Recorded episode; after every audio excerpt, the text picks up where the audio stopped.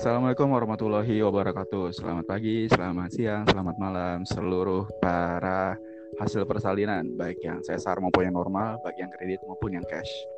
Berjumpa lagi sama kita di Jumat Bersalin Podcast. Hari ini uh, sedikit spesial karena berhubungan uh, bertepatan dengan bulan Ramadan, jadi kita akan mengangkat tema-tema yang uh, ada kaitannya dengan bulan suci Ramadan. Oke, okay, uh, sebelum kita mulai, kita kenalan dulu seperti biasa. Hari ini uh, pilotnya lagi absen karena beda server, beda server pilotnya. Jadi hari ini ada pilot magang, uh, Koko Heri. Halo. Uh, terus di sana ada Dani. Halo Dan. Assalamualaikum. Assalamualaikum Waalaikumsalam. Ada Deka. Oi Dek. Hai dan gue star uh, tetap kita selama bulan suci Ramadan ada Fajar Sputatrix. Halo Jar. Yo, halo, assalamualaikum Indonesia. Oke.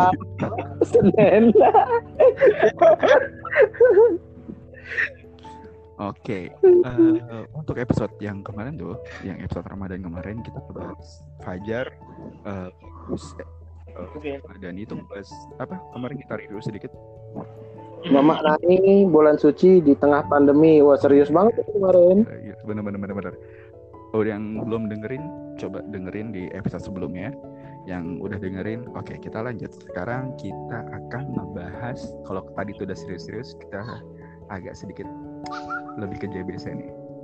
Kita membahas uh, seseru apa sih Ramadan lo waktu kecil. Yes pasti uh, kalian semua tuh udah punya lah ya cerita masing-masing waktu masa kecil melewati masa-masa Ramadan untuk kecil. Mungkin ada yang Well, biasa tahan atau ada yang minum air keran pas wudhu atau mungkin cerita-cerita seru lainnya. Nah okay, uh, untuk itu biarin kuliah. kira-kira waktu lo masa kecil masa kecil lo waktu bulan puasa hal paling yang mungkin sampai saat ini masih jadi rahasia dari diri lo. Apa cek oh dan. Coba lu dan. Hai, kenapa kenapa? Oh ya kalau hmm. kalau dulu ya namanya anak masih kecil kan gua ini kan bukan kayak kebanyakan anak yang lain. Kan kalau kebanyakan anak yang lain belajar puasa tuh setengah hari dulu terus uh, tahun depannya baru uh, seharian penuh full segala macam. Jadi mereka lebih ngerti kalau gue enggak. Gue baru kalau gue baru mulai belajar puasa uh, pas kelas 4 atau kelas 5 gitu. Terlalu jauh. Dan satu hal yang dulu gue nggak tahu adalah gue pikir kan kalau puasa itu nggak harus menahan lapar sama haus ya motor siapa tuh? Lagi trek-trekan aja. PSBB woi PSBB kan kalau puasa ada lapar sama haus. Nah logika ada kecil. Gue mikir kalau makan itu kan makan nasi segala macam yang udah dimasak kan. Sama kayak kalau minum ya minum air yang sudah yang udah matang udah dimasak. Ya jadi kalau misalnya dulu pas gue mulai puasa gue mikirnya ya udah berarti kalau nggak boleh makan yang mateng atau minum mateng berarti gue minum air mentah. Jadi gimana? Jadi lu makan makanan yang mentah? Enggak kalau makan kan gue gue ma makan kan namanya anak kecil mah. Udah udah eh, kelas empat kelas lima mah udah bisa nahan ya. Kelas empat lah kelas empat dulu seingat gue kelas empat itu umur tujuh tahun. Ya kan gue udah bisa nahan tuh kalau lapar kalau haus emang susah. Jadi kalau mandi tuh kadang-kadang minumnya satu gayung anjir gue bilang setelah lama-lama gue pikirin gue bodohnya zaman kecil ternyata bodoh juga ya. Lu gak diare ya pada saat itu ya? Makanya. Mulut gue ada mulut gue ada kebal dari zaman dulu cuy. Heran gue juga. Lu sama E. coli itu udah ada saudara sepupu kali ya? Ah, udah wah gila udah BFF, Bro. BFF. Oke. Nih Deka nih, gua rasa ini lagi mabar nih ini kampret dari tadi kosong kosong. Emang. Kosong kosong, ayo tembak tembak. Kampret. Satu. Nah gimana dek? Ada cerita seru nggak? Puasa masa kecil gue kayak biasa bi oh gue pernah waktu pas lagi biasa ya anak kecil kan trawehan Ah, lagi traweh tuh awal-awal oke cabut kita main PS pokoknya tiap awal tiap habis kan, kita cabut main PS sampai witir witir balik. Nah habis witir ternyata ya, dan kebetulan bokap gue jadi imam. Ketahuan dan. Terus ketahuan gue disamperin ke tempat PS pulang-pulang. Langsung dipukulin dah nggak bisa boleh kabur lagi Berarti lu lu anaknya bapak imam. iya Nah, lu gampang banget ya dapat buku tanda tangan Ramadan tuh yo gampang banget. Ta- Tapi itu hitungannya bandel deh. Hah? Itu hitungannya bandel. Cabut teraweh. iya abis itu bokap gua langsung mantengin terus gua nggak bisa Doi, kabur-kabur bapak doi imam, bapak doi imam. Kalau bapak Oh doi iya iya iya. tidak terlalu masalah, bapak doi imam. Ini mungkin kata anak-anak teman-temannya lah, ah anak imam aja di sini, ngapain kok ke sana gitu. follow, follow leader aja, follow leader. Kalau leader aja. Maupun tadi kita ngomongin masalah buku Ramadan, buku Ramadan tuh lu kerjain gak sih coy? Pas lagi waktu sekolah-sekolah dulu tuh, lu jujur nggak ngerjainnya? Jadi kayak jujur-jujuran coy Jujur gak ngerjainnya? Kalau gua mah jujur. Sampai bingung gua. Iya. Jujur, jujur loh. Lu jujur nggak, Jujurnya? Kalau gue sih setengah jujur setengah enggak. di, di mana jar gak jujur jar? Mana yang gak jujur gimana? Iya, kan itu kan isinya isi ceramah ya. Heeh. Lah, lu kalau teraweh kan biasa kan kita pada ini kan main kalau lagi ceramah kan kan nggak dengerin. Ah, Jadi ya isi aja apa udah. Bener nggak bener kan isinya. Terus tanda tangan kan. tanda tangan tanda tangan siapa itu? Tanda tangan ustadz. Oh. Ujuk ujuk ujuk Pak Ustad. Eh, iya. Kan ustadznya juga pasti nggak ngeliatin kan. Banyak mana sempet ngeliatin. Kan bukan gua doang kan yang kayak gitu. Ya udah cepet-cepet aja ustadznya juga tanda tangan yang baik. Kalau lu tuh masih mending ya padahal ya, masih minta ujuk ujuk tanda tangan ke Pak Ustad. Ah. Kalau gue, gue itu setiap kalau di musola dekat rumah gue nih nggak ada tuh ceramah-ceramah habis teraweh nggak ada. Jadi habis teraweh terus sholat witir udah tuh doa terus cabut udah. Jadi nggak ada tuh momen-momen uh, ceramah jarang lah ada tapi nggak daily nggak tiap hari.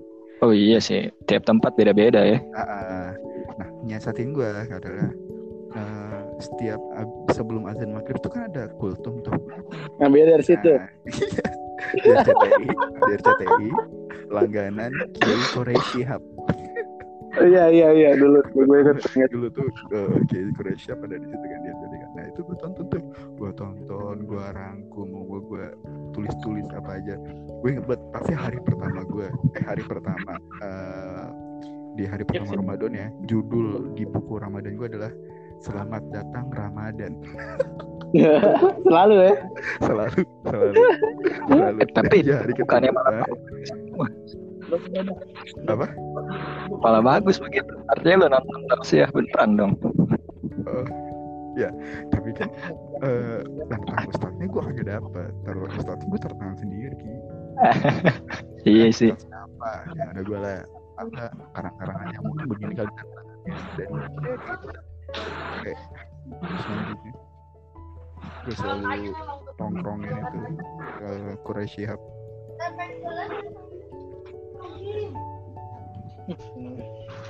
Kenapa Ini ada bagus. Mana bagus? Suara lu. Halo. Selamat malam. Mohon maaf terlambat habis menikmati indahnya mie instan beserta dengan mecinnya. Eh, tadi kita lagi ngomongin eh, rebel-rebelnya kita waktu kecil pas lagi bulan puasa. Lu punya nggak hal-hal konyol yang lu lakuin di bulan puasa waktu lu kecil? Waduh. Kalau dibilang berdosa sekali mah sangat berdosa, Bro. Apa tuh? Udah, tadi tadi apa aja yang udah? Yang udah apa aja? Baru ngomongin masalah buku Ramadan sama cabut terawih. Lu ngapain? Oh, Open BO lu ya? Open BO Tenggerang. Astagfirullahaladzim, Ben BO. Oh Belum iya, kenal dulu, mah. Fajar soleh, Fajar. Jar lu harus tahu rahasia terbesar bagus. jangan dulu. Jangan. Kenapa jadi ajang Lu- bongkar aib gua di depan Fajar, Bambang? Lu, ah sudah lalu akan tidak sampai terpikir bahwa bagus bisa melakukan seperti itu Jar. Aku nggak nyangka kayak gitu. Lah kata lu hari ini bongkar bongkaran. Oh, iya. Ya, bukan, Tapi itu bukan waktu tapi itu bukan pas bulan puasa. Anjir. Sialan. Iya kan bulan puasa kan? Enggak kan? Iya. Eh, udah malam ada anak-anak. Harus ingat pendengar kita itu juga dari kalangan usia balita loh, jangan ini jangan salah. Oke, Dua persen, dua persen. lanjut, lanjut. Gimana tadi Gus? Apa konyol? Kalau gue tuh dulu pas Ramadan tuh terutama pas di masjid tuh gue jadi tim destroyer loh. Tim pengrusak. Pertama yang Oh gue iya, iya, itu adalah susunan sendal di masjid. Jadi gua akan memisahkan pasangan sendal dengan yang lain. Jadi pelakor lah gue ibaratnya. Gue nggak bisa melihat sendal-sendal itu berpasangan satu dengan yang lain. Maka gue akan pasangin dia dengan sendal yang lain. Gitu. Atau ekstrimnya mungkin gue buang jauh-jauh, gue tendang-tendangin gitu kayak di ombak di pantai gitu. Pergi lu, pergi lu gitu. Itu baru masuk tuh, baru nyampe, ya kan. Yang kedua, gue bakal mulai traweh kalau imam udah nyampe amin tuh. Nah. Amin pertama, amin Amin pertama. pertama, iya. Iya, iya. itu gue udah, udah paling soleh tuh kalau mulainya dari amin. Teman-teman gue udah pas mau ruku baru takbir deh. Iya, iya, iya, iya. Jahanam banget emang tuh sialan. Gitu jadi gue mulainya telat lah karena kita di bawah ngerusakin sendal dulu kan. Nah yang jahanamnya tuh yang yang ini nih pas udah mulai sholat, udah amin kan kita baru takbir. Ada teman-teman gue masih pada main tuh. Pas mulai ruku baru gabung di jamaah. Habis itu sujud kan. Habis ruku atau sujud. Nah di sujud ini nih momen terindah nih buat kita nih. Karena Momen terindah, anjir. Iya karena kita tuh bakal narikin kaki-kaki teman-teman kita yang lagi sujud bro. Pernah nggak lu? Yang lagi sujud, oke kita tarik bro. Sampai dari sujud jadi posnya tengkurap. Ada bunyinya nggak? Biasa ada bunyinya kan kalau gitu kan. Tetak gitu. Kalau orangnya kayak lu sih bleduk gitu dan Eh enggak, kalau orang kayak Denny membal, doing. oh iya benar. Balik doing, lagi. Jangan sih langsung klub gitu kan. Sumpah, Mendel. sumpah itu seru banget sih gokil. Jadi kalau kita udah bisa narik kaki temen kita tuh kayaknya bahagianya luar biasa.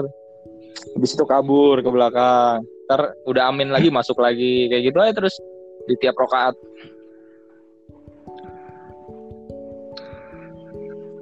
Lu ngelakuin kayak gitu sama teman-teman lu?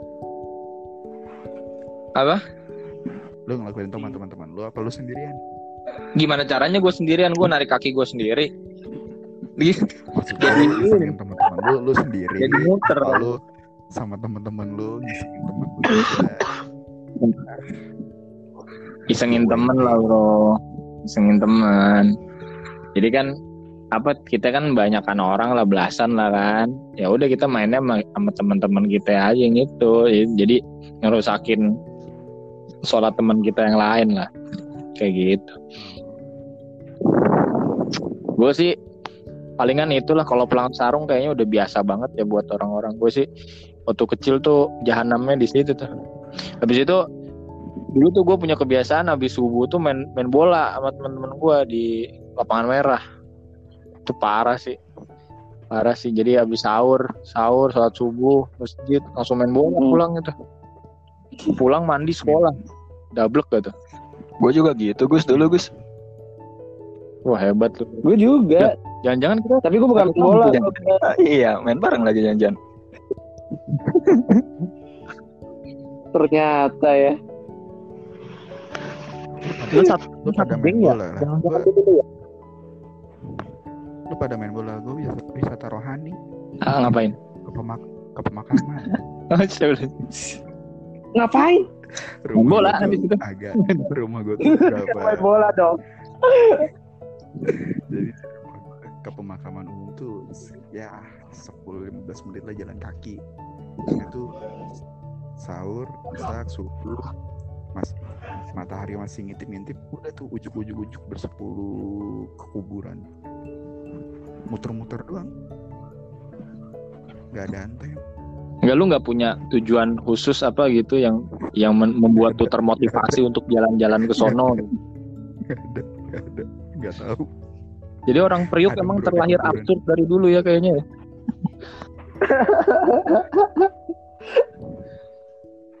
Kalau kita jebol pernah belum pada jebol-jebol? Kalau gue pernah. Apa tuh? Kenapa tuh? Iya, eh, namanya bocah. Woi, eh, namanya bocah puasa setengah hari. Jadi kalau Dani tadi cerita di awal dia mulai puasa kelas 4 SD. Itu lu sangat amazing dan Amazing. gue gue puasa satu hari mulainya SMP cuy. Anjir SMP. SMP. Gue disunat kelas 5. Kelas 5 kelas 6 gue tuh masih setengah hari karena sekolah gue tuh sekolah yang lebih dari setengah hari. Jadi Iya, jadi jam sekolahnya itu dari jam setengah tujuh, pulang-pulang gue jam satu. Itu tuh kayak sangat amat padat lah sekolahnya. Capek kan di saat teman-teman gue hari biasa sekolah jam 10 udah pada pulang, gue jam satu baru pulang. Itu capek banget. Jadi sampai dari, dari kelas 3 sampai kelas 6 itu gue buat setengah hari setengah hari tuh. Nah, tuh awal awal diajarin puasa gue puasa makan per 3 jam Makan per tiga jam. Lebih lebih dari puasa beduk ini. Itu lebih, lebih sejahtera dari gua nggak puasa itu. Gua aja puasa 6 jam 6 jam baru makan. Iya. jadi ya, gue nawar sama nyokap gue pas lagi awal disuruh puasa puasa setengah hari ya ah gak mau nggak bisa nggak kuat per tiga jam lah jam 9 gue makan jam 12 gue makan jam 3 gue makan beduk maghrib gue makan Enggak, enggak, enggak. Tar lu, tar lu. Kalau lu nggak puasa emang lu nggak kayak gitu? Jadi kalau lu nggak puasa lu sejam sekali makan lu ya? Itu mah kehidupan orang normal, Harry. Jam 9 makan, jam 12 makan, jam 3 makan. Kenapa lu sebut itu? Bahkan lebih puasa. karena namanya trial training latihan tuh Itu mah lebih dari normal tiga jam sekali Iya. aja. Gua kuliah sehari dua Terus- kali makan. mulai Gua malah kadang dalam satu hari 12 jam gak makan gua. Hari normal. buset dah. Lu lu kuat boleh jar. Ayo kita buka channel kitabisa.com untuk belajar Ayo bantu Fajar selesaikan makanannya. nah terus Oke, oke. dari tiga jam tiga jam puasa itu upgrade jadi setengah hari beduk juhur baru makan tapi gue lu kalau beduk eh kalau lu puasa setengah hari lu mulai puasanya lagi jam berapa Ayo siapa yang puasa setengah hari? Aku tidak punya pengalaman.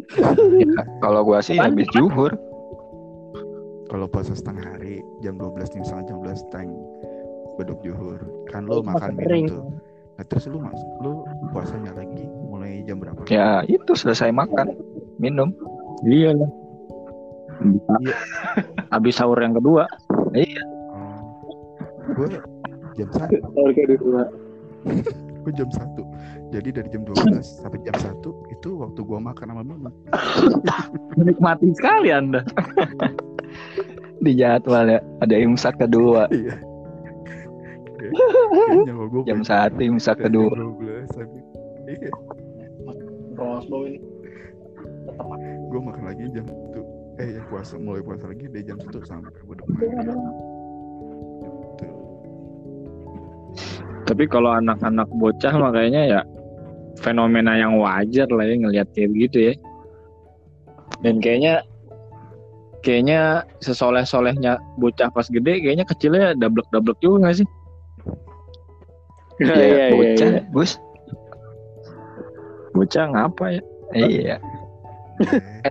Proses Gus proses Tapi gua bingung deh ya. Maksudnya kalau gue inget masa-masa kecil di Ramadan, dablek-dableknya paling ya normal lah ya. Maksudnya ya kayak tadi lah perang-perang sarung maksud gue itu umum lah kalau bocah. Cuman kayak gue hampir nggak nemu sih. Maksudnya sampai sampai kayak ngapain gitu. Karena bersyukurnya gue gue di masa kecil itu punya lingkungan yang emang udah kebangun sih ya artinya kebangun sama nuansa Islam. Jadi kalau gue pikir-pikir ya nggak ada yang aneh-aneh juga sih makanya. Dalam arti karena gue kan dulu kecil gue nggak di Poncol ya. Mungkin kalau gue kecil di Poncol gue nggak jadi kayak gini kayaknya. Dablek juga. Gue kecil Jadi itu tukang lu cetak banner. gue di Tangerang kan yang kecil. Gue emang yang kalau gue inget-inget gue rasa itu lingkungannya keren banget coy. Jadi maksudnya dalam artian orang tua orang tua sekitar anak-anak sekitar RW RT di rumah gue itu memang lingkungannya kayak ngedukung banget gitu. Buat mendidik anak kecil soal agama itu dari usia dini. Makanya kadang kalau gue mikir-mikir ini kalau gue pribadi ya kalau gue mikir-mikir pengalaman gue masa kecil Ramadan kayaknya nggak ada yang sampai bandel-bandel banget sih. Maksudnya ya umum-umum aja. Hmm. iya iya ya, bersyukur sih gue bahkan ini gue cerita nih. Dulu gue di SD kelas berapa ya?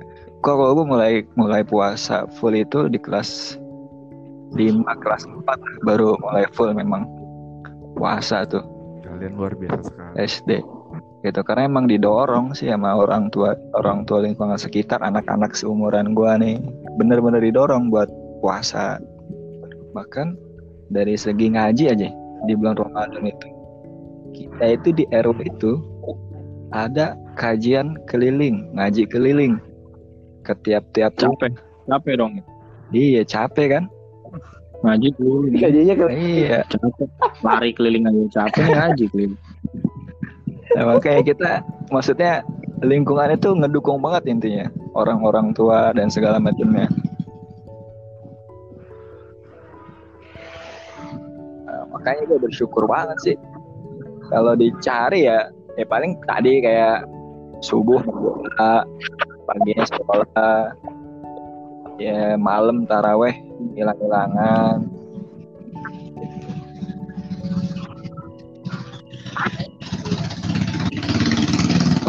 Senda- Hati-hati bang, hati-hati bang di jalan. Yo yo, hati-hati bang di jalan bang. Hati-hati, jangan geber-geber bang. Hati-hati. Bajunya Mandra. Kayak knalpotnya di depan speaker banget. Itu tahu gak siapa yang naik motor? Coba. Eh, Itu tadi cewek perempuan.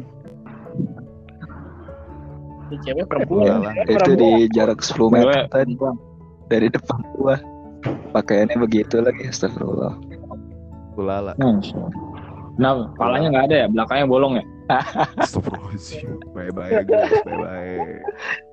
Allah akbar eh lanjut lanjut lanjut Bosen dia, bosen di lockdown dia cabut bentaran.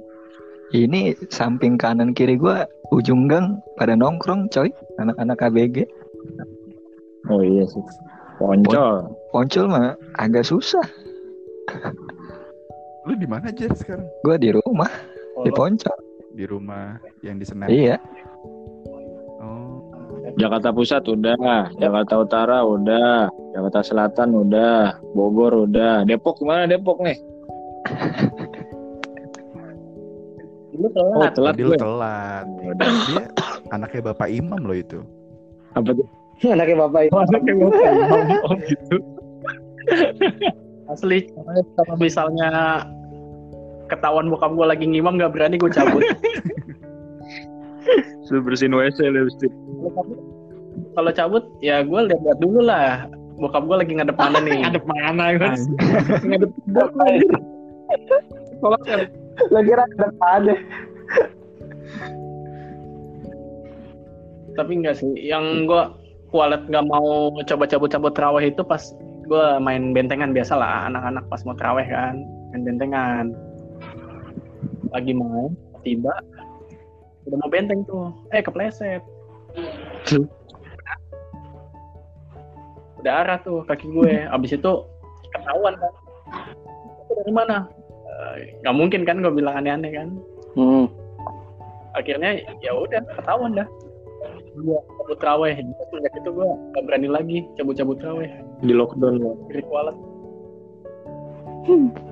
Kualat lu deh. Sebut terawih. Nah, kalau leba eh lebaran. Ramadan itu tuh kalau waktu kecil tuh ada tuh gue nggak tahu sih di tempat lu pada. Tapi kayaknya sih banyak karena kalau misalkan pas lagi bulan puasa ini mainannya banyak dijual nih di mana-mana tembak-tembakan yang pelurunya karet Kertas. tadi si Fajar tuh sempat cerita tuh ada tuh tembak-tembakannya pelurunya karet yang warna-warni hijau yang merah yang kuning yang bulat itu loh Iya. yang kalau ditembak yang kalau ditembak tuh efeknya paling parah tuh katanya bisa kalau kena mata bisa buta Hmm. iya Iya kuping budeg. Emang begitu, Bang. Kalau kena kulit bentol gitu Iya, emang begitu. Kalau kena lidah, pahit ya. nah lu mainin gak sok pada sok lu mainin gak itu Mainin kalau gue dulu lu punya tipe tembakan yang kayak apa Jar? apa? lu punya tembakan yang kayak apa tipenya pistol, Pistol gue pistol. atau yang kayak ya, Gak mampu beli gue kalau yang panjang-panjang senapan laras panjang. Apa juga sip. apa aja. kita bisa com bikin kita bisa com abis ini Ayo dukung Fajar beli senapan laras panjang. Gue beli, gue beli yang pistol coy. Gue beli ngerengek-ngerengek juga dulu sama emak. Eh tapi dibeliin juga. Ini mana yang kalau habis yang kalau habis pelurunya disererekin ya dikeluarin dulu tempat pelurunya terus di Iya, dulu eh. Terus kita kalau Iya, iya. kalau habis nembak ke tempat sasaran kita buat diambilin lagi coy pelurunya. gitu. eh, lu itu main perang lu main perang perangan apa lu nembak target doang lu kayak main-mainan naruh botol jauh terus lu tembak apa lu perang perangan Dulu sih kalau di komplek gue tadi itu di Tangerang ada yang perang-perangan. Perang-perangan cuman kalau yang itu gua nggak ikutan. Gitu karena ya gue pribadi gue waktu kecil udah tahu bahaya nih gue kalau kena ngeri juga maksudnya. Ah, gue kalau kena sakit juga kan lumayan. Makanya kalau yang perang-perangan gak ikut. Cuman kalau yang tembak-tembak main botol ikut gue gitu. Jadi gue udah ngerti juga nih bahaya nih. Cuman pernah gini. Gue sama abang gue gimana gimana?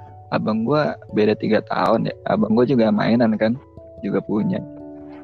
Dia abang gue nih main perang-perangan. Abang gue emang bandel lah dulu masa kecilnya abang-abang abang gue main perang-perangan dong. Terus abang gue terpojokan. Terpojokan. Pojokan anjir. iya serius ini serius. Jadi itu malam apa subuh ya? Gue lupa ada pokoknya. Gue lagi sama teman-teman gue kebetulan teman sepantaran gue banyak di komplek. Teman sepantaran abang gue itu juga banyak di komplek.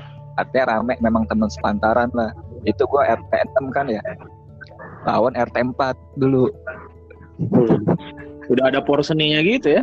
eh iya Itu lawan RT dia nama nah RT RT gue dulu diserang coy sama RT 4 anjay Iya, diserang. Padahal cuma main-mainan doang. Sehari-hari mah ya ketemu ketemu biasa. Cuman ini nama main kan perang-perangan. Wih, di diserang T RT gua sama RT 4. Ada satu satu orang kan itu yang perang-perangan yang anak gede lah ibaratnya, yang kawan-kawannya abang gua. Kalau gua mah kan kagak ya nggak ikutan sama teman-teman. Karena ya masih kecil lah, lu nggak usah ikut nggak usah ikut gitu-gitu.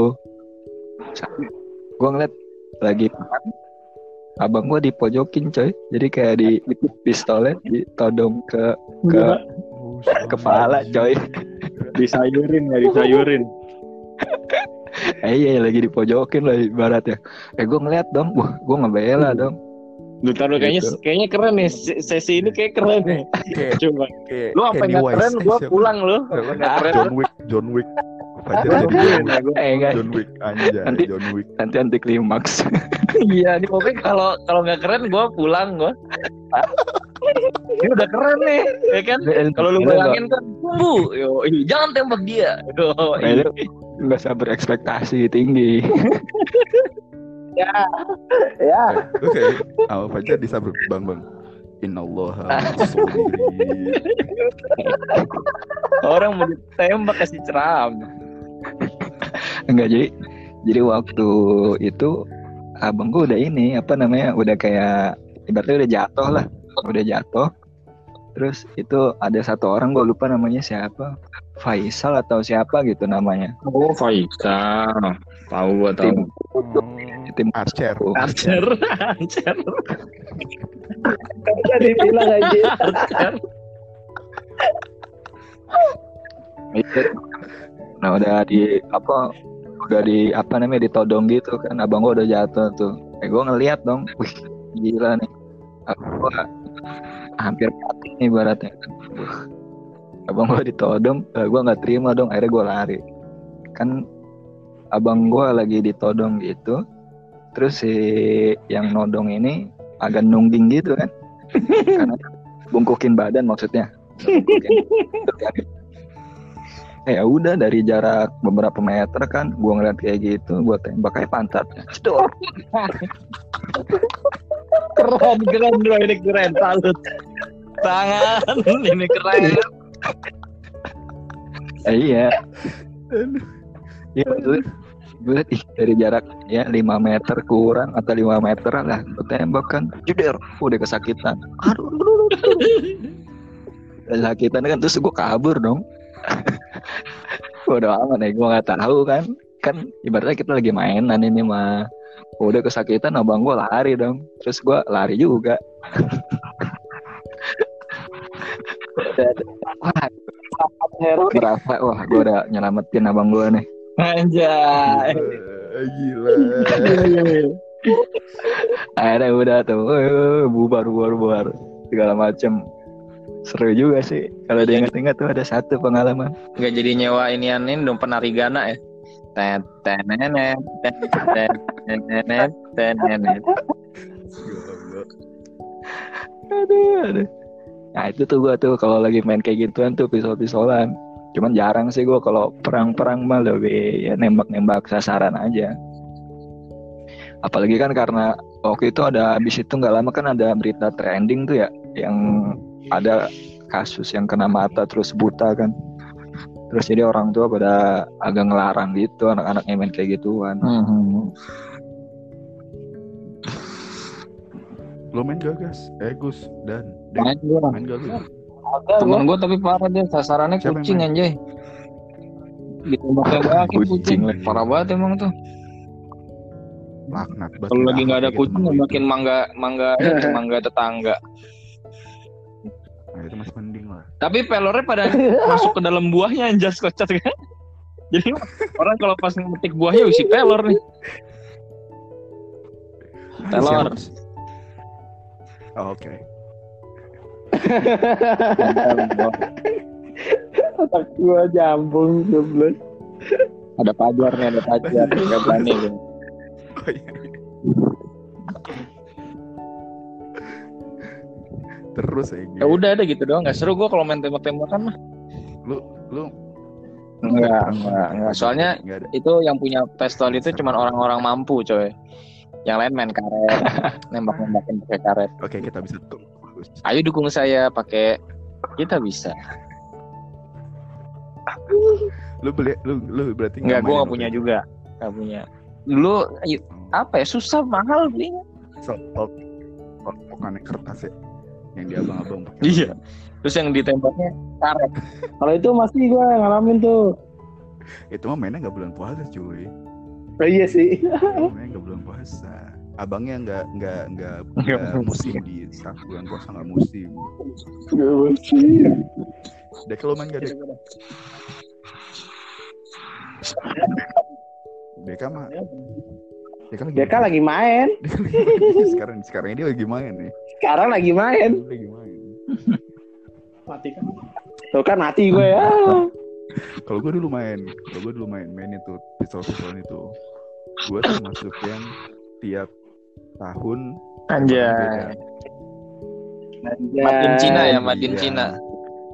Guys, yo, iyo. Pernah beli yang ibaratnya branded lah ya. Gue nggak tahu. Oh kan kayak ini kayak machine gun kayak senjatanya Dani. Heavy machine gun. Nah, iya, iya. Beda dong. yang pelurunya dimasukin banyak. Terus ketika ditembak Oh gokil gokil gokil sumpah keren itu. keren ah misalnya kebayang ya. MG bro. MG.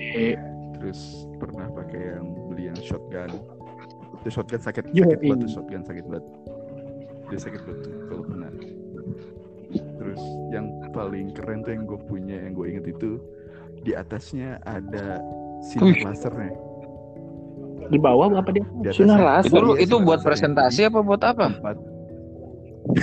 Iya.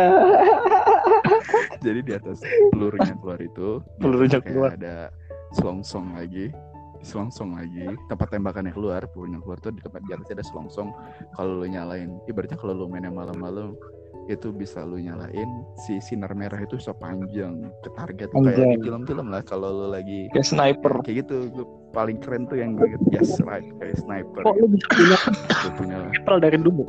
Hah? Yang ada laser-laseran kan enak. Ya kayak gitu. Gue inget sih gue punya yang kayak gitu gitu sama mainnya perang-perangan. Kalau Fajar tadi RT 4 sama RT 5 kalau di sini nih kampung gue namanya pos 5 kampung sebelah sebelah. Di kita bisa nama kali. Bisa kan dengan se- seberang kali ya. seberang seberang kali sana nama pos ayam. Mas saya, Pak. Nah, jadi anak pos 5 sama pos ayam itu suka ribut-ribut gitu tuh kalau bulan puasa jadi keren coy. Jadi kalinya tuh bener-bener kayak pembatas antara kampung sini sama kampung sana. Terus eh, di pinggiran kali itu ada kontrakan yang sisi untuk pemisah ke kalinya ada tembok. Jadi bener-bener kayak benteng. bener-bener kayak perang-perangan. Keren keren dah. Keren dah pada saat itu. Sekarang sih udah enggak udah enggak ada. Karena ya lingkungan udah berubah. Maksudnya tanah-tanahnya udah dibeli orang Hmm, iya, tapi kalau diingat emang seru banget sih seru banget. Seru bangetnya adalah ketika misalkan eh, sama kayak Fajar tadi yang mainnya tuh yang anak-anak gedenya kan? Abang-abangan gitu kan. Nah serunya adalah ketika si kampung gue ini majuin sampai ke dalam kampung mereka. Uh gila itu seru banget coy. Itu seru banget karena seru doang ibu-ibu kan ibu-ibu nongkrong nih di pinggir jalannya mereka kan kita ngelewatin kan sambil jedar jedar jedar jedar jedar jedar itu itu seru banget sih kalau diinget-inget Ya, emang Nah, Oke. kalau zaman sekarang udah nggak ada ya. Iya tuh lu lu ngelihat lu ngelihat anak-anak zaman sekarang menghadapi Ramadannya gimana? Apakah kita berpikir positif karena mungkin mereka nggak banyak main dan fokus ibadah? Atau malah negatifnya mereka sudah main ke dunia virtual, bro? Jadi PUBG gitu, pelor-pelornya udah pelor-pelor elektronik, bro. mungkin lebih banyak ya tergantung sih ya tergantung orang si anaknya itu manfaatin teknologinya nih kayak apa gitu kan kayak yang lagi eh, dicari orang sekarang tuh si Siapa namanya? Yang me-. Ah, lupa orang namanya yang di Bandung. ya, orang Bandung itu kan Ah, itu mah kelewatan itu. itu parah sih itu jadi Mm-mm. mungkin yang belum tahu jadi ada satu konten kreator kita nggak sebut mereka orang deh nggak perlu nggak usah konten kreator bagusan ada satu tonggok dagingnya dikasih nyawa dia eh, ngebagiin kayak bantuan gitu dia bilang tuh kayak bantuan gitu kayak makan di dalam kardus yang kata dia isinya makanan atau isinya ternyata sampah. Dan itu dikasihin ke orang-orang yang bekerja di malam hari di pinggir jalan. Itu parah sih. Amoral banget itu Kacau, kacau. nah yang lebih sebelumnya lagi tuh ada tuh yang eh, disuruh batalin puasa untuk uang 10 juta. Ya, ya, ada, ada. itu gila sih menurut gua. Kalau menurut lu gimana jar pandangan lu untuk anak-anak yang zaman sekarang kok makin pada aneh ya kalau menurut gue tuh kayak lagunya Ya kalau dibilang aneh ya, ya iya. Artinya gue nggak tahu maksudnya kalau kalau tadi yang pertama pertama anak-anak Ramadan, anak-anak zaman yang uh, kecil menghadapi Ramadan atau gimana gue nggak tahu ya kalau di kota mungkin ya kalau di, di desa bisa jadi masih masih apa namanya? Nah iya sih masih seru lah ya masih desa. punya mainan-mainan sejenis lah misalnya punya mainan-mainan tradisional yang masih dipakai. Kalau di kota sih kayaknya sih memang udah bergeser. Bergeser ke dunia virtual semua. Mainannya main-mainan game. Nah, balik lagi kalau ke apa namanya ke yang tadi lu tanyakan terkait sama orang yang batalin puasa minta membatalkan untuk uang 10 juta Nah, ini gila sih menurut gua. Ini apa ya? Fenomena-fenomena bahkan sebelumnya juga pernah ada kalau nggak salah ya diminta untuk buka jilbab terus dikasih uang. Iya, iya. Ya, gue Itu tahu. juga gua ada tahu. tuh perempuan itu orang yang sama itu orang yang beda kayak beda. Beda, beda. sama. beda Ada juga youtuber atau apa lah gitu gua nggak tahu pernah lihat dia ngasih uang ke perempuan dikasih uang untuk membuka jilbabnya. Ya, ini dari segi apa pun kayak nggak bisa dibenarkan. Maksud gua dia udah menyinggung satu hal yang sifatnya pokok dalam agama. Sifatnya udah apa ya? Syariat lah maksudnya. Udah masuk kategori syariat dan dia mengganggu, mengganggu zona itu. Dan gue yakin Hmm. kalau dapat banyak kecaman ya pasti. Karena kenapa? Karena puasa. Lu bayangin ya puasa kan rukun iman eh rukun Islam. Rukun Islam dan dia mengimbing-imbingnya pakai pakai apa maksudnya? Pakai uang yang mungkin seperti dunia. Ya kalau yang dia niat bantu kan artinya kita mungkin dia pengen ini sih. Kayak kalau memang dia youtuber pengen nyari subscriber atau viewer lah gua kayak bagus tuh jar kayak bagus. Dari dari segi apa pun ini nggak bisa diterima sih baru di gue pribadi. Karena dia udah menyinggung hal yang memang pokok dalam agama. Dan itu nggak bisa dipermainkan kalau bagi gue pribadi. Termasuk yang jilbab tadi. Harus ngebuka jilbab baru dikasih uang. Ini pokoknya pokoknya untuk gue pribadi kalau udah menyinggung agama yang sifatnya udah memang itu syariat memang udah pokok masa udah rigid dalam agama. Wah itu gua nggak bisa kan sih kalau untuk gue pribadi ya. Kayak gue juga Tuh, kesel banget maksudnya. Ini maksudnya apa sih? Mau nyari subscriber mau nyari viewer atau apa sampai bikin konten kayak gini. Nggak guna banget. Kelihatan si otaknya nggak ada ada otak sih bagi gue Ada ajar cuman. Pentiumnya dua setengah. gue nggak terima banget gue yang kayak gitu-gitu tuh. Sebel banget gue liatnya. Maksud gue gini sekali itu kan kalau kayak gitu kan ya kita melihatnya mungkin ada juga yang berpendapat wah nih orang imannya nggak kuat nih. Kan pikiran-pikiran kayak gitu mungkin akan ada bisa muncul kan ya. Jangan bagi pribadi ya ini orang sih bikin bikin begini-ginian. Gitu. Fix sih kalau gue dari pribadi mah gue nggak bisa nggak bisa toleran kalau yang sifatnya begitu maksudnya Tembaknya ajar pakai pelor. Tembak di belakang lagi jar tuh. kalau gue sih kasih duit jangan kan buka jilbab buka baju buka celana gue mau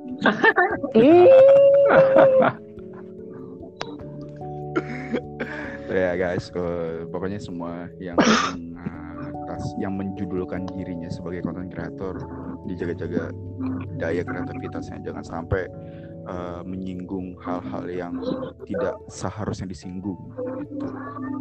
dan ternyata yang ngelakuin kayak gitu itu tuh di penjara ya cuy sekarang cuy. Kenapa? Nah jadi ntar di penjara isinya bukan orang-orang jahat cuy. Oh penjara? Di penjara. Masih buron bukannya? Bukan. ada lagi ada yang di penjara ada yang udah diciduk itu mbak-mbak yang joget waktu sholat. Eh mbak-mbak yang sholat terus diselipin joget. Iya iya, yang TikTok. Nah, itu iya iya, gue juga ingat makin gue banyak. nah itulah. Ih makin gila ya anjir emang gue jadi Nggak ngerti lah. ada cewek sholat Oh iya. iya. terus di dalam ruangan gelap tapi di tengah-tengah video dia ada lampu kelap kelip kelap kelip terus tiba-tiba dia joget padahal di awal video dia ngelakuin gerakan sholat. Nah itu gua update tadi beritanya dia udah di Oh iya, gue juga sempat di berita tuh ya.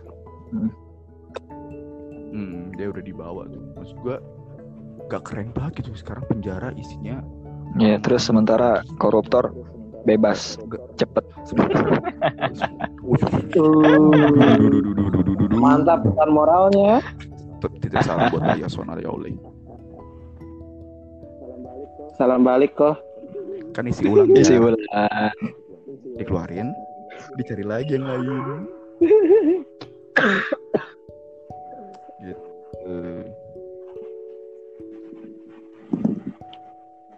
Nah berarti kalau yang sekarang Ramadan sekarang eh, selain ngelakuin apa yang biasa dilakuin yang beda beda sih. Ya beda sih. Kemarin udah diomongin ya yang Ramadan beda dari Ramadan yang sebelum sebelumnya apa ya?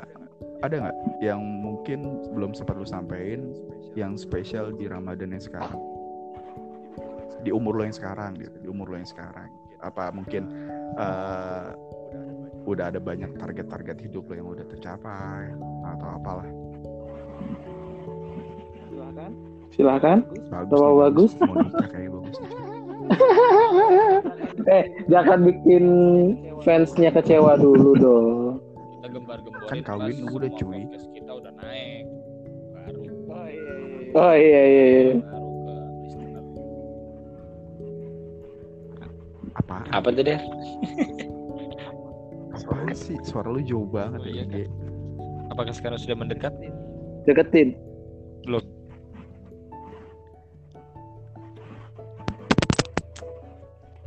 Oke, apalagi ya keseruan-keseruan waktu waktu kecil pas Ramadan tuh, Ramadan tuh.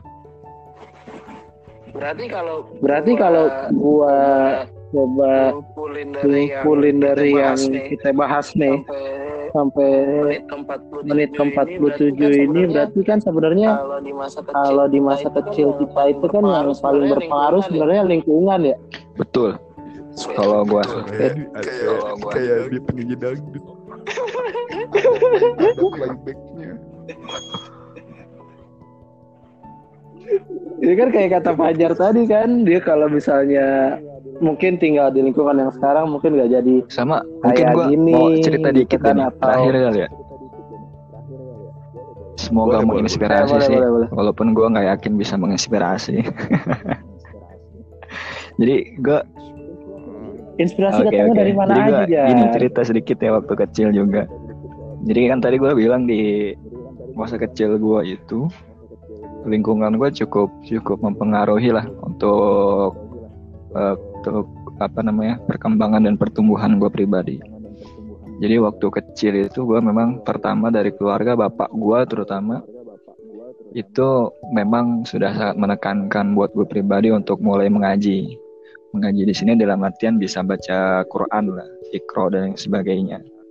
Terus di lingkungan gue juga ada guru ngaji juga dan lain sebagainya yang memang dia memang sudah menginfakkan dirinya untuk mengajar ngaji anak-anak yang ada di tempat tinggal gue di sana.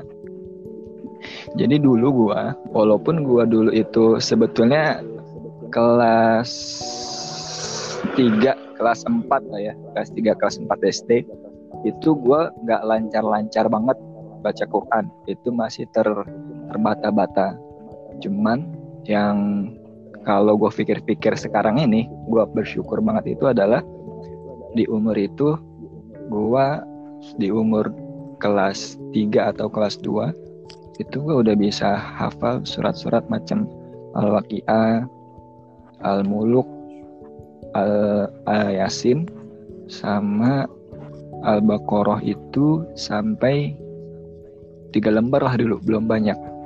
Itu di kelas 3 atau kelas 2 SD. Gua dapat hafalan itu itu karena sering diulang dan sering didengarkan. Mungkin kalau anak-anak sekarang kalau lu dengar Hafiz cilik sekarang yang ada di RCTI itu mungkin lebih wah ya. Cuman bagi gue pribadi kalau gue mikir tuh dulu itu wah gue bersyukur banget dulu gue udah bisa hafal surat-surat itu walaupun nanti kemudian hari karena gue nggak sering menghafalin jadi lupa pertama itu. Kedua karena lingkungan gue juga dulu itu waktu masa kecil gue kelas 3 ya tadi ya kelas 2 3 4 lah. Itu kita udah mulai berlomba-lomba buat jadi muazin itu di musola. Dan orang-orang tua sekitar itu membolehkan kita untuk azan. Bahkan kita dilatih dari kecil untuk azan. Dulu gue inget banget ketika saat subuh gue itu udah bangun itu kelas 3 SD lah. Gue bangun gue ke musola gue azan di situ. Itu diperbolehkan sama marbot mus- musola pun juga gue boleh azan komat dan yang sebagainya. Bahkan ketika lagi pulang sekolah nih kita pulang sekolah jam 12 pulang kita main main ke kali main ke sawah. Pulangnya ke musola itu kita lagi ngobrol-ngobrol kita saling ngafalin ngafalin saling murojaah satu-satu eh surat surat surat al-mulk nih apalin nih gue mau baca ini nih tolong diliatin dan bahkan gue dulu sempet dikasih sama Pak Haji. Jadi di situ guru ngajinya itu Pak Haji namanya. Pak Haji Fatur Rahman. Dia sempat ngasih gue gamis. Gamis kenapa eh, Fajar kamu bilang ke Kemang ini gue lupa namanya siapa. Itu ada tukang konveksi bilang kamu suruh dibikinin baju gamis, suruh Pak Haji gitu. Wah gue senang banget saat itu gua waktu kecil. Kecil senang banget gue, gue dibikinin gamis nih sama Pak Haji ibaratnya gurunya guru setempat lah Pak Haji. Fatur Rahman siapa Jar? tadi Jar? Pak Haji siapa? Ih, gila, emang. murid gue masukin Fatur Rahman iya ya bener ya baru ingat gue Gak ada obat. Emang gak ada obat emang. iya gue itu gue disuruh di, dibikinin baju gamis umur tiga tahun itu. Wah gue Ih, gila gue seneng banget gue dan setiap Isra Mi'raj sama Maulid Nabi itu biasa ada satu sesi khusus.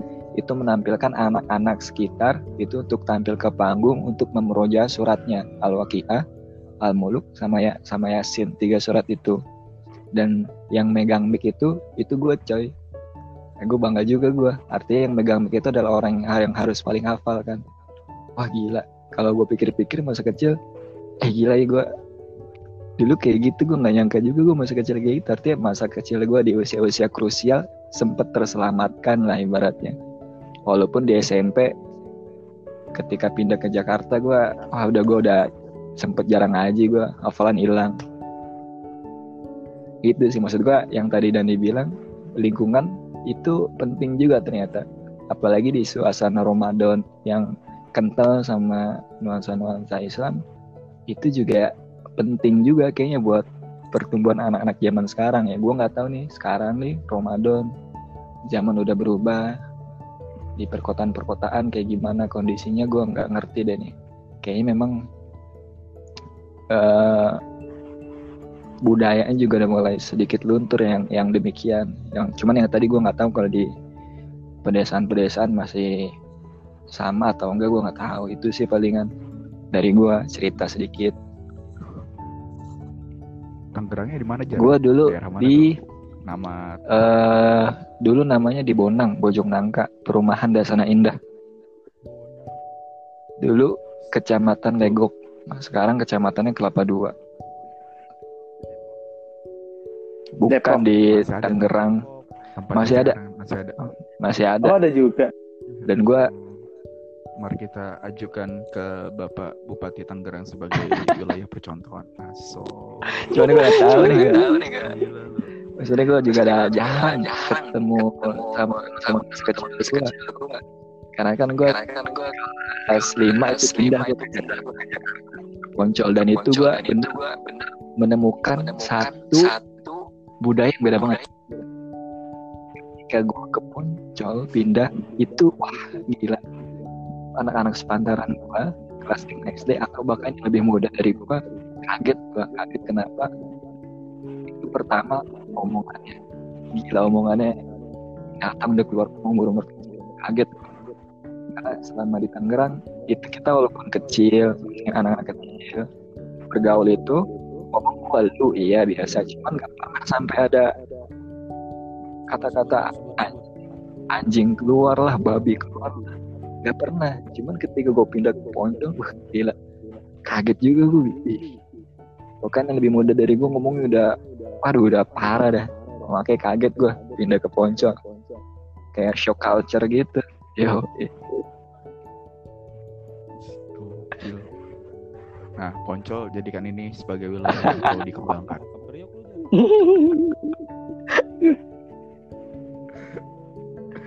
Oke, oke, oke. Nah itu ya. Berarti lingkungan itu sangat penting untuk membangun karakter.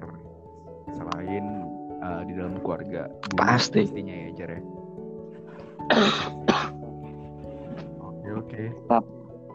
Nggak kerasa udah satu jam, ya nggak sih? Dan ya satu jam udah satu jam ya. Jadi mungkin eh, cukup di situ dulu untuk eh, podcast episode 2 spesial Ramadan Jumat Bersalin Podcast. Eh, untuk teman-teman yang belum berlangganan di Spotify di JBC Podcast, klik berlangganan di sana supaya teman-teman semua nggak ketinggalan episode-episode baru. Jadi bakal notifikasi muncul di handphone kalian yang belum follow IG kita bisa follow di Jumat Bersalin Agency. Eh, semua kalian bisa kirim apa pun ke kita, kritik, saran ataupun bahan-bahan bahasan untuk episode-episode selanjutnya. Oke, makasih untuk Fajar, Dani, Bagus, iya Deka yang udah gabung malam ini. Ada lagi nggak mau Cukup. sampai nih boy? Bagus? Cukup. Oke, ya udah. Cukup sekian. Makasih semuanya. Selamat istirahat. Assalamualaikum warahmatullahi wabarakatuh.